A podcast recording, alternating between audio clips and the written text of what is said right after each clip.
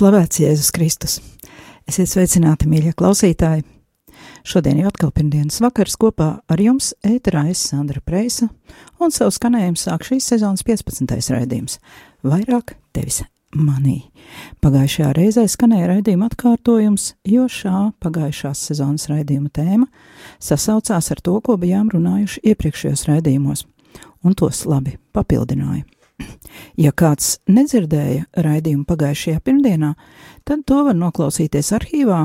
Ja trešās sezonas mapīļē to var atrast, un datums ir 2017. gada oktobris.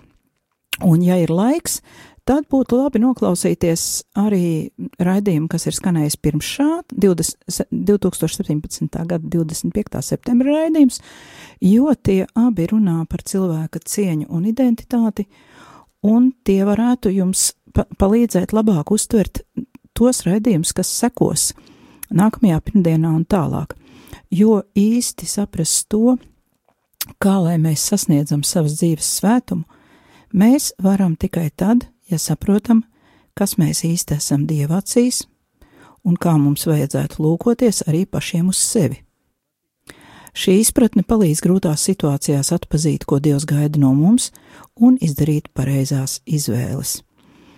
Tātad šī te sevis pazīšana, savas identitātes atpazīšana ir tāds tā kā atspēriena punkts vai kaut kāds mērs, ar kuru mēs varam samērot visu to, ko mēs darām un kādus lēmumus pieņemam. Pagājušajā nedēļā arī, nu, pagājušās divās nedēļās bija daudz dažādu ievērojumu lietu, piemēram, bija lūkšana nedēļa par kristiešu vienotību, notika jauniešu dienas Panamā un varbūt baznīcā mazāk bija dzirdams, bet bija arī holokausta piemiņas nedēļa. Šīm lietām es tagad nepievērsīšos, jo gribu izmantot iespēju, ka šodien, 28. janvārī, visa baznīca svin kādu lielu svēto. Šodien mēs ar viņu iepazīsimies, un tas ir cilvēks, kuram savas dzīves laikā, neskatoties uz dažādām grūtībām, izdevās izdarīt šīs te pareizās izvēles. Šā svētā vārdu jūs noteikti zinat un esat varbūt jau šodien dzirdējuši, tas ir svētais Toms no Akvīnas, jeb Akvīnas Toms. Daudzi zina, ka Toms ir mūsu Rīgas semināra aizbildnis, tur šodien bija svētki noteikti. Daži zina, ka viņš ir arī Rīgas katoļu ģimnāzijas aizbildnis kopā ar Svēto Terēzi no bērnu Jēzus. Nezinu, vai visi zina, ka Toms bija Dominikāņu brālis. Zinām, ka viņš ir liels teologs, bet vai visi zinām, ka viņš arī ir sacerējis mūziku un garīgu dziesmu tekstus? Leģenda stāsta, ka reiz Toms piedalījies garīgo dziesmu konkursā, kurš tika izsludināts, lai izvēlētos pašu skaistāko dziesmu, ar kuru varētu pagodināt vissvētāko sakramentu. Jūs jau sapratāt, vai ne? Toms uzvarēja. Tagad palūksimies lūkšanu, kurai par autoru arī tiek piedāvāts Akvīnas Toms. Nu, ticēsim, ka tā ir Akvīnas Toma lūkšana, bet pēc tam paklausīsimies jau pieminēto dziesmu, un iespējams daudzi no jums varēs dziedāt līdzi. Tagad lūksimies Dieva tēva un dēla un svētā garvārdā Āmen. Jēzu mans Dievs, kas mani mīli, uzklausi mani. Lai tavs prieks ir mans prieks, mana deksme, mana mīlestība. Liec man to meklēt un atrast un piepildīt. Rādi man savus ceļus un liec pa tiem iet. Tev ir savs plāns attiecībā uz mani, dari, lai es to atklāju un tam sekoju tā, ka es sasniedzu savas dvēseles pestīšanu. Dari, lai es esmu vienaldzīgs pret pārējošo, bet apņēmīgs tiecoties pēc tevis. Lai es mīlu visu, kas tev, kas tev ir patīkams. Un palīdzi man atteikties no visa pārējošā un pievērsties nepārējošajam, jo īpaši tev pašam, mans Dievs.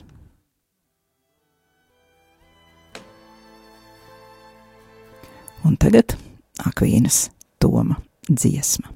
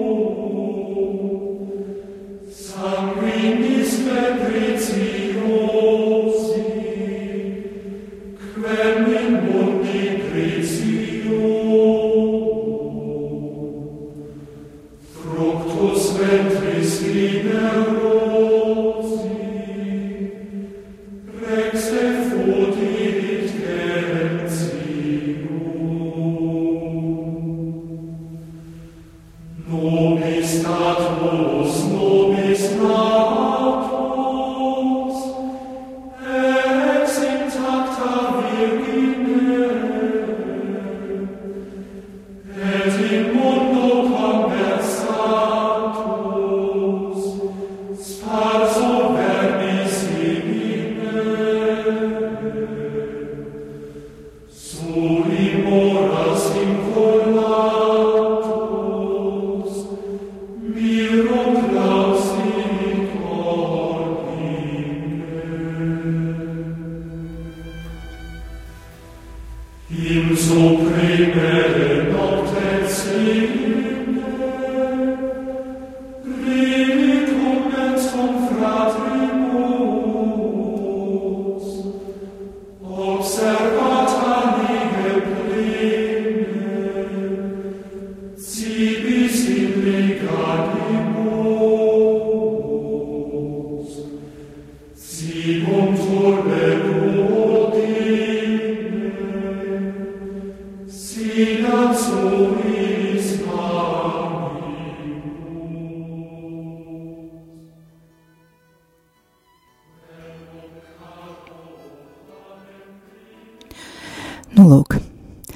mēs visi šo dziesmu zinām, un lielākā daļa no mums, protams, arī nodziedāt. Ja ne visu dziesmu, tad vismaz dažus pantiņus, un, ja ne latīniski, tad mums ir arī latviešu tulkojums. Bet iespējams, kā ne visi zināja, kas ir šīs dziesmas autors. Nu, protams, vispirms jau svētais gars, jo bez viņa šai dziesmai noteikti nebūtu tik ilgs mūžs. Dziesma ir sacerēta 13. gadsimta vidū bet bez akvīnas Toma tā nebūtu nonākusi pie cilvēkiem. To dziedātu tikai eņģeļa debesīs. Toms to sadzirdēja un pierakstīja. Tālāk mm, ieskatīsimies mazliet Toma dzīvē. Tālākajam tekstam par pamatu es esmu ņēmusi katoļu enciklopēdijas New Advent materiālu, priestera Antona Škapara sagatavoto materiālu, un dažus pārstāstījumus no lasītajām grāmatām un citiem materiāliem, kuri man ir palikuši atmiņā. Svētais Akvīnas Toms ir viens no pazīstamākajiem baznīcas svētajiem. Savu lielisko teoloģisko un filozofisko darbu dēļ viņš ir atzīts par baznīcas doktoru, savukārt nodzīvotās dzīves dēļ par svēto. Svētais Toms piedzima Lombardijā, Akvīnas grāfa Landulfa ģimenē. Viņš bija jaunākais astoņu bērnu ģimenē. Kad Tomam bija pieci gadi, viņu saskaņā ar tā laika paražām aizsūtīja mācīties uz Monte Kazino pie benediktiešu mūkiem. Toms bija ļoti uzcītīgs mācībās, un visi drīz vien ievēroja to, ka viņam ļoti patīk nodoties pārdomām un lūkšanai. Toma audzinātāji bija dziļi pārsteigti, eh, kad mazais zēns uzdeva jautājumu, kas ir Dievs? Kad Tomam apridēja desmit gadu, Montekazino abats, viņa tēvam rakstīja, ka zēnam ir liels talants, ko nedrīkst atstāt novārtā. Kad Tomam bija 13 gadu, viņš izglītības turpināšanas nolūkos tika nosūtīts uz Neapoli. Tur viņš vispirms mācījās Benediktiešu skolā, bet 1239. gadā iestājās Neapoles Universitātē. Toms apguva klasiskos priekšmetus, algebru, geometriju, gramatiku, loģiku, retoriku, mūziku un astronomiju. Un šajā laikā viņš studēja arī Aristoteļa darbus. 1243. gadā Toms slepus iestājās Svētā Dominika dibinātajā sprediķotāju ordenī, kur habitu saņēma 1244. gadā. Toma ģimenes locekļi to uzzinājuši, jutās vīlušies un saniknoti. Bija paredzēts, ka Toms kļūs par benediktiešu mūku un nākotnē par ietekmīgās Montekazino abatijas abatu jo tas bija ļoti prestiži. Benediktīņu klosteri bija ārkārtīgi bagāti, un bagātie cilvēki uzskatīja par pilnīgi normālu, kā viņu bagāta ģimeņu atvases turpina dzīvot bagātībā šajos bagātajos klosteros. Taču Toms bija izvēlējies ubakotai ordeni, kurā brāļiem nepiederēja pat habits, kas viņiem ir mugurā. Arī habiti viņiem bija kopīgi. Lūk, Toms ar varu tika aizvests uz dzimto Rokaseku un divus gadus turēts ieslodzījumā San Giovanni cietoksnī. Šajā laikā viņa vecāki brāļi un māsas, izmantojot visdažādākos līdzekļus, darīja visu, lai Toms atkāptos no savu lēmumu. Reiz Toma miesīgie brāļi pat centās panākt, lai viņš zaudē savu likumību, taču Toms ar kvēlojošu pagali izdzina sievieti, kuru brāļi bija iesūtījuši viņa istabā. Mūža nogalē svētais Toms savam tuvākajam draugam un kolēģim Reginaldam no, no Piperno uzticēja noslēpumu par žēlastību, kādu viņš toreiz bija saņēmis no kunga.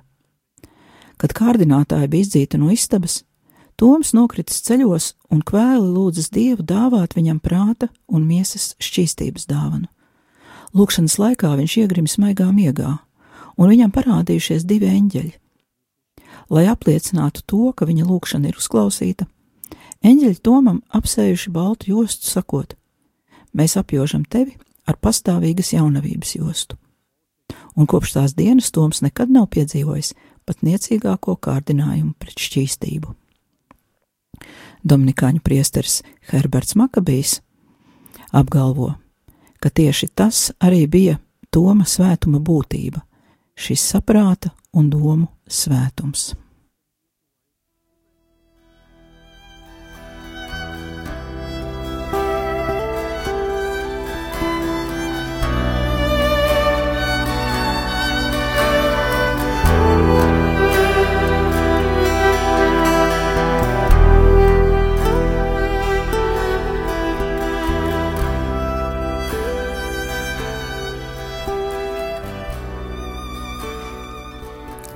Cietoksnī ieslodzījuma laiks, ieslodzījumā pavadītais laiks, Tomam nebija veltīgs.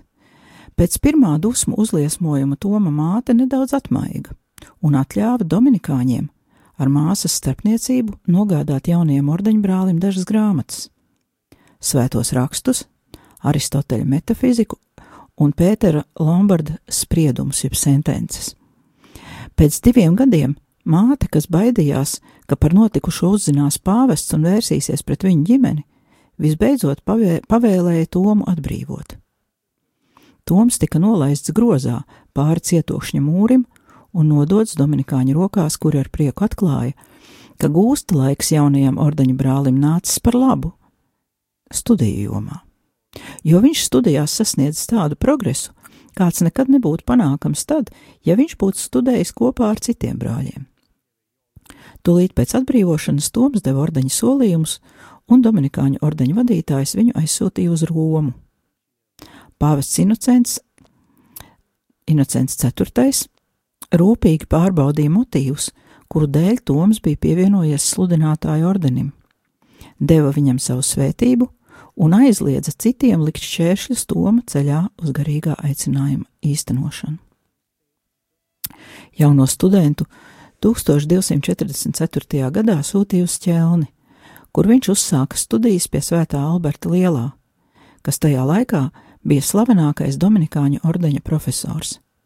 Studiju biedri kļūdījās, Toma pazemību un nerunīgumu uztverdami par muļķības pazīmi.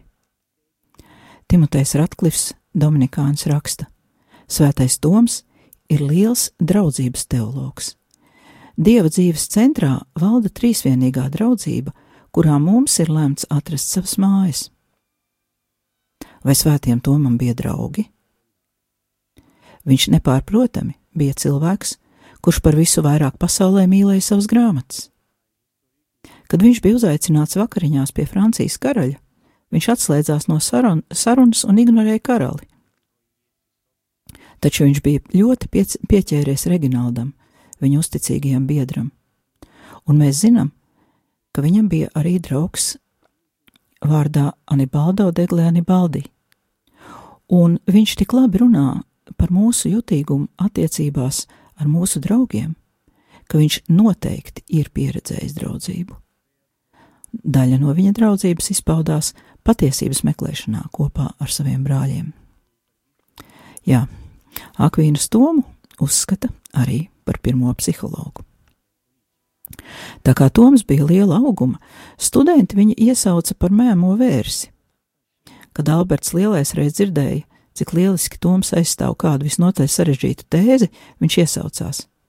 Mēs šo jauno cilvēku saucam par mēmo vērsi, bet viņa maurošana kādu dienu izskanēs pa visu pasauli. Kāda leģenda stāsta, ka ordeņa brāļiem likusies smieklīga Toma milzīgā spēja koncentrēties. Ja viņš bija aizņemts ar kādu domu vai darbu, viņš atslēdzās un nedzirdēja un neredzēja, kas notiek apkārt. Reiz viņš tā domās iegrims staigāja pa klosteri iekšpagalmu, uz kuru izgāja brāļu istabiņu logi. Brāļi nolēma Tomu izjokot. Kāds brālis skaļā balsī iesaucās: Tom, Tom, re, kur vērsis lido! Toms it kā pamodās un pacēla acis uz debesīm. Tikmēr citi brāļi sanākuši pie logiem skaļi smējās. Un tad Toms savā vērša balsī iesaucās: Es drīzāk noticēšu, ka vērsis lido, nekā ka patiesības sludinātāji melo.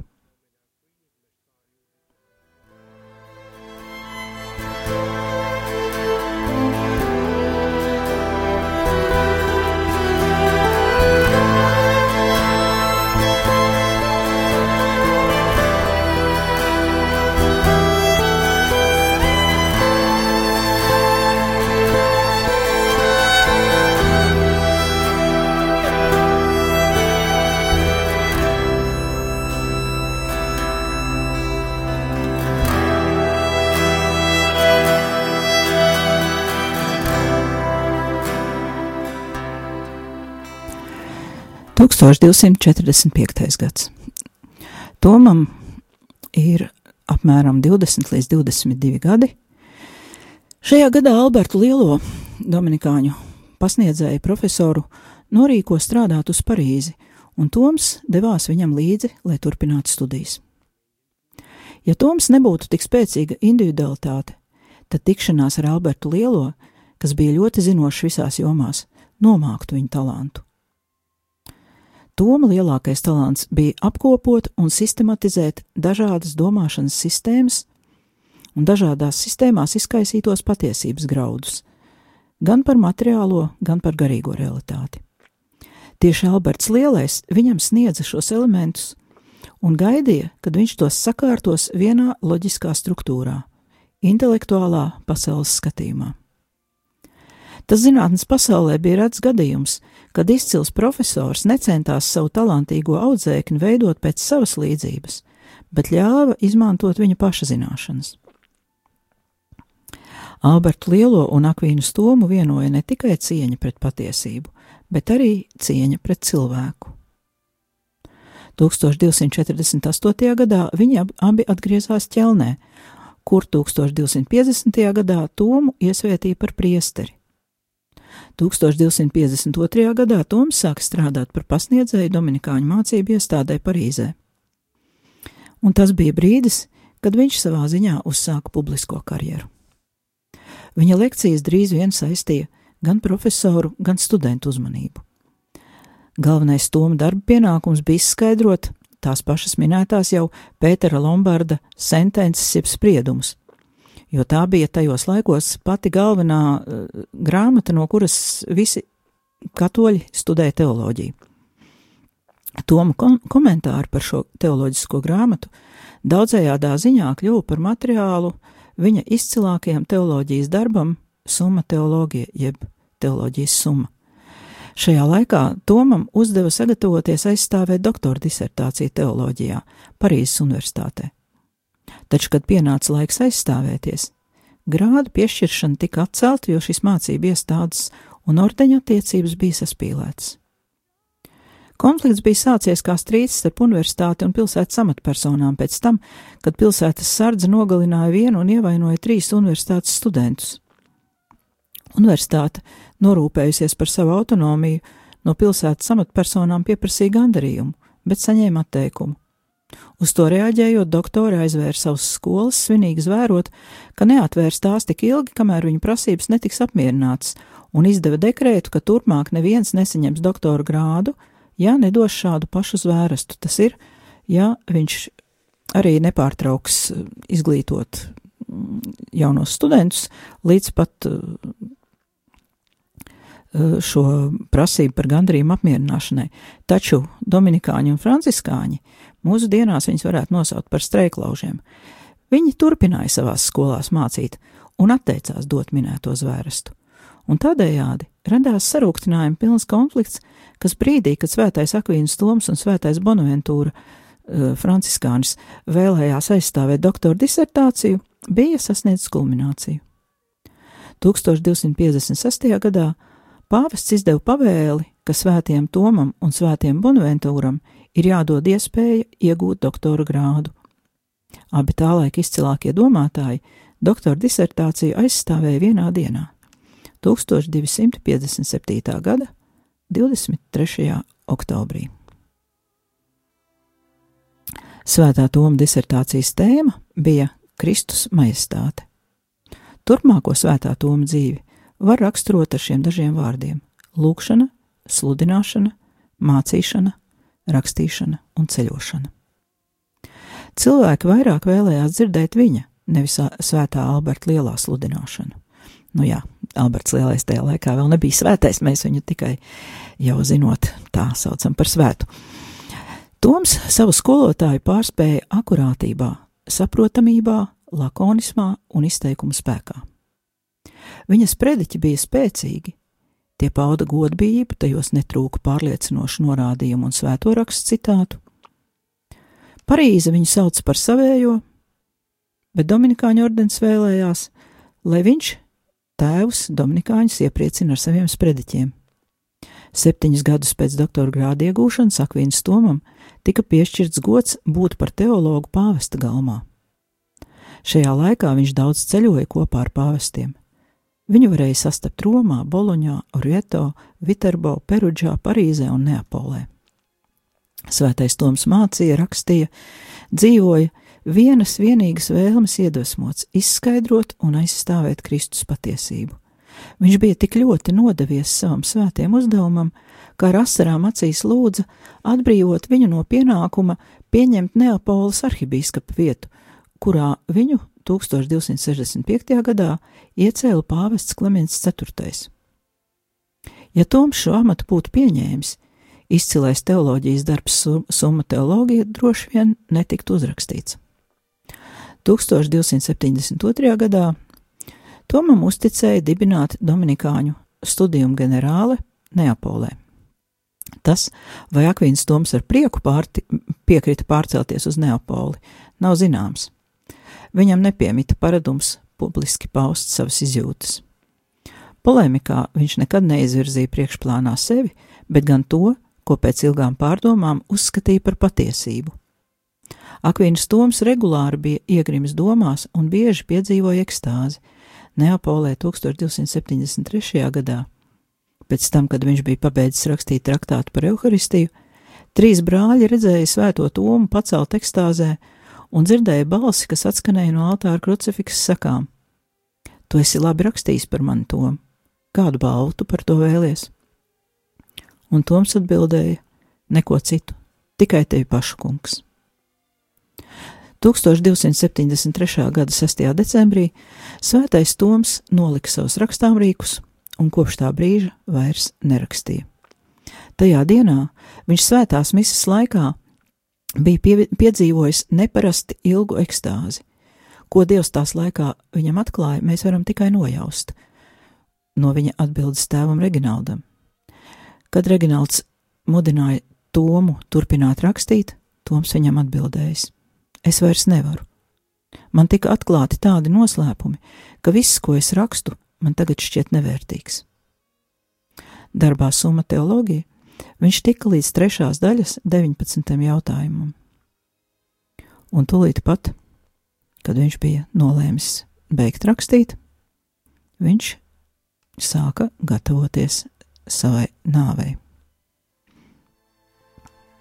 Pāvests Gregors X.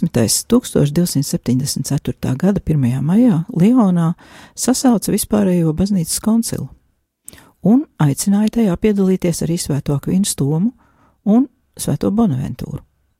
Toms centās paklausīt, un janvārī devās uz Lionu, bet netālu no Teračīnas viņš nespējā pakrita. Cisterciešu mūki lūdza pieņemt viņu viesmīlību, un svētais Toms tika aizvests uz netālo klosteri. Mūki par viņu rūpējās, bet nāves stunda bija tuvu. Kad pēdējās dienās viņa istabā ienes visvētāko sakramentu, svētais Toms izteica šādu ticības apliecinājumu. Ja pasaulē par šo sakramentu ir zināšanas, kas ir stiprākas par manu ticību, tad es vēlos tās tagad izmantot, lai apstiprinātu, ka es stingri ticu un droši zinu, ka Jēzus Kristus īsts Dievs un patiesa cilvēks, Dieva dēls un jaunās Marijas dēls ir šajā sakramentā. Un es saņemu viņu, kas ir cena par manu glābšanu, viņu, kura mīlestību es uzlūkoju, studēju un sīki aprakstīju. Viņu es sludināju, viņu es mācīju. Man nekad nekas nav bijis pret viņu. Ja kaut kas nebija labi pateikts, tad tas ir manas nezināšanas dēļ. Es neesmu vēlējies būt nepiekāpīgs savos uzskatos, bet, ja esmu uzrakstījis kaut ko kļūdainu par šo sakramentu vai par kādu citu jautājumu, es visus lēmumus un labojumus uzticu Svētajai Romas baznīcai, kurai paklausot esmu dzīvojis, un tagad savu dzīvi beidzu. Svētais Toms no Akvīnas nomira 1274. gada 7. martā, nesasniedzis 50 gadu vecumu. Savas neilgās dzīves laikā viņš uzrakstīja vairāk nekā 60 grāmatu, kuru vidū svarīgākā ir summa teoloģija, pie kuras Svētais Toms strādāja līdz pat mūža nogalē. Minētā grāmata bija iecerēta kā kristīgās doktrīnas rokas grāmata studentiem, bet tā ir pilnīgs zinātniski sakārtots teoloģijas izklāsts un vienlaikus arī kristīgās filozofijas kopsavilkums. Tā tiek dēvēta par brīnišķīgāko teoloģijas un filozofijas domu katedrāli ar bezgalīgi augstiem torņiem, kas slēdz pretī debesīm. Svētais Akvīnas Toms Eiropas filozofiskajā un teoloģiskajā ideja pasaulē ienāca tad, kad tā bija kā celtniecības laukums. Tajā laikā bija nepieciešams arhitekts ar drosmīgu veselumu redzējumu, kurā būtu vieta visam patiesajam, labajam un skaistajam. Pat Toma pretinieki atzina un atzīst arī šodien, ka svētais Akvīns Toms paveic lielu darbu, būdams uzticīgs savam moto. Prāta pienākums ir visu sakārtot. Bet ko tad īsti svētais Akvīns Toms sakārtoja? Pirmkārt, zināšanu un ticības attiecības. Viņš uzskatīja, ka visas atklāsmes un noslēpumi attiecas uz ticības jomu. Intelekts var tikai apstiprināt, ka tās nav pretrunā radītāja gudrībai, spēkam un labestībai, kā arī radības cieņai. Noslēpumu būtību prāts nevar aptvert, ierādot vietu ticībai, bet tas nenozīmē, ka ticība un prāts būtu pretrunā. Domā un tic viena un tā pati persona. Cienot intuīciju un atzīstot, ka mistiskajā pieredzē Dievs ir daudzējādā ziņā klātesošs, Svētais Akvīns Toms tomēr tajā nemeklēja pierādījumus tam, ka Dievs eksistē. Šos pierādījumus viņš meklēja radītajā pasaulē, kur uzlūkoja kā radītāja spēka, gudrības un labestības apliecinājumu. Svētais Akvīns Toms intelektam piešķīra skaistu uzdevumu - iedziļināties visā, kas pastāv un kas ir pieejams sajūtām, izprast tā jēgu, mērķi un pats galvenais - tā atkarību no visas eksistences avota, kas ir Dievs. Viņš uzskatīja, ka filozofam ir pareizi jāizprot visuma un cilvēku būtība, lai par to varētu formulēt pareizus spriedumus. Savukārt teologam ir jābūt uzmanīgam un ar lielu pazemību jānoliecas Bībeles priekšā, jo tā cilvēkam atklāja to, ko izmantojot tikai prātu, atklāt nav iespējams. Svētais Toms bija optimists. Viņš ticēja Dieva bezgalīgajai labestībai un uzticējās cilvēka prātam, gribai un sirdī. Cilvēks viņa prāta ir svētceļnieks, kas nostājoties Dieva patiesības gaismā un izmantojot pieņemtās žēlastības palīdzību, dodamies caur skaisto pasauli, nonāk vēl skaistākā mūžībā. Svētais Akvīnas Toms meklēja ceļu uz laimi, un tajā nav nekā paradoxāla. Katrs, kas godīgi un uzticīgi meklē patiesību par brīvas un saprātīgas būtnes eksistences mērķi, īstenībā uzdod jautājumu par to, kas ir laime un kur tā ir atrodama. Svētā Toma filozofiskie un teoloģiskie darbi palīdzēja meklēt un vienlaikus arī piedāvāja vispārliecinošākās atbildes. Tās ir apslēptas, šķietami vēsās loģiskās schēmās, kurās ir rūpīgi jāiedziļinās, lai pēkšņi atklātu autora centienus mums iemācīt to, kas ir laime. Toms ir mums par zīmi, ka mūsu cilvēciskā laime ir dieva uzlūkošana vaigu vaigā. Nekas cits mums nespēja sniegt pilnīgu laimi. Tajā slēpjas mūsu patiesā cieņa un vērtība. Dievs kļuva par cilvēku tādēļ, lai mēs visi kļūtu dievišķi un iepazītu Dievu. Kā pāvests Leons Lielais ir teicis 4. gadsimtā, kristieši, atcerieties savu cieņu, jūs ņemat dalību paša dieva dabā. Alberts Lielais ārkārtīgi pārdzīvoja savu mīļākā skolnieka un labākā drauga nāvi, jo uzskatīja, ka visi auglīgākie Toma gadi bija vēl priekšā. Alberts teica, ka ar Toma nāvi ir nodzisusi baznīcas gaisma. Pēc Toma nāvis katru reizi, kad tika pieminēts viņa vārds, Alberts izplūda asarās. Šis bija pēdējais trieciens, no kura svētais Toma skolotājs vairs līdz galam neatkopās. Kaut kas no viņas senā spēka atgriezās 1277. gadā. Tas ir jau trīs gadus pēc Toma nāves, kad teologu grupa Stefana Tempjē vadībā mēģināja nosodīt Akvīnas Toma darbus par it kā pārāk lielo labvēlību pret pagānu, pagānu zinātniekiem, un Alberts Lielais devās uz Parīzi, lai aizstāvētu savu skolnieku piemiņu. Pēc gada 1278. gadā. Alberts piedzīvoja triekas lēkmi, pazaudēja savu ģeniālo atmiņu, atcerējās vienīgi ikdienas lūkšanas. Viņa vigīlijās, nabadzībā un kalpošanā novājinātais ķermenis sabruka zem gadu nastas. Alberts nomira, nomira ķelnē 1280. gadā, 74 gadu vecumā, sešus gadus pēc savas skolnieka nāves. Neskaitām brīnumi pēc Akvīnas Toma nāves apliecināja viņa svētumu. 1323. gada 18. jūlijā pāvests Jānis 22. viņu kanonizēja. Albertu Lielo kanonizēja tikai 1931. gadā. Tas ir 600 gadu vēlāk. Svētā Akvīnas Toma dzīves pētnieki uzsvēruši, ka šī cilvēka sejas vaipsts un augums atbild viņa dvēseles lielumam. Svētais Toms bijis liela auguma ar spēcīgu miesas būvi. Viņa galva bijusi liela un labi veidota. Visos portretos viņš ir attēlots dišciltīgs, apcerīgs, maigs, bet spēcīgs. Pāvests Svētais Pīs V. Svēto Akvīnu Tomu 1567. gadā atzina par katoliskās baznīcas doktoru. Viņa kvēlā mīlestība pret Dievu, veltīšanās evaharistijai un krustā sistēm Kristum, kā arī īpašā pazemība ir tas, kas iedvesmoja summa teoloģiju, kura patiesībā ir mīlestības vēstule, nepilnīgas radības mīlestības izpausme radītājiem.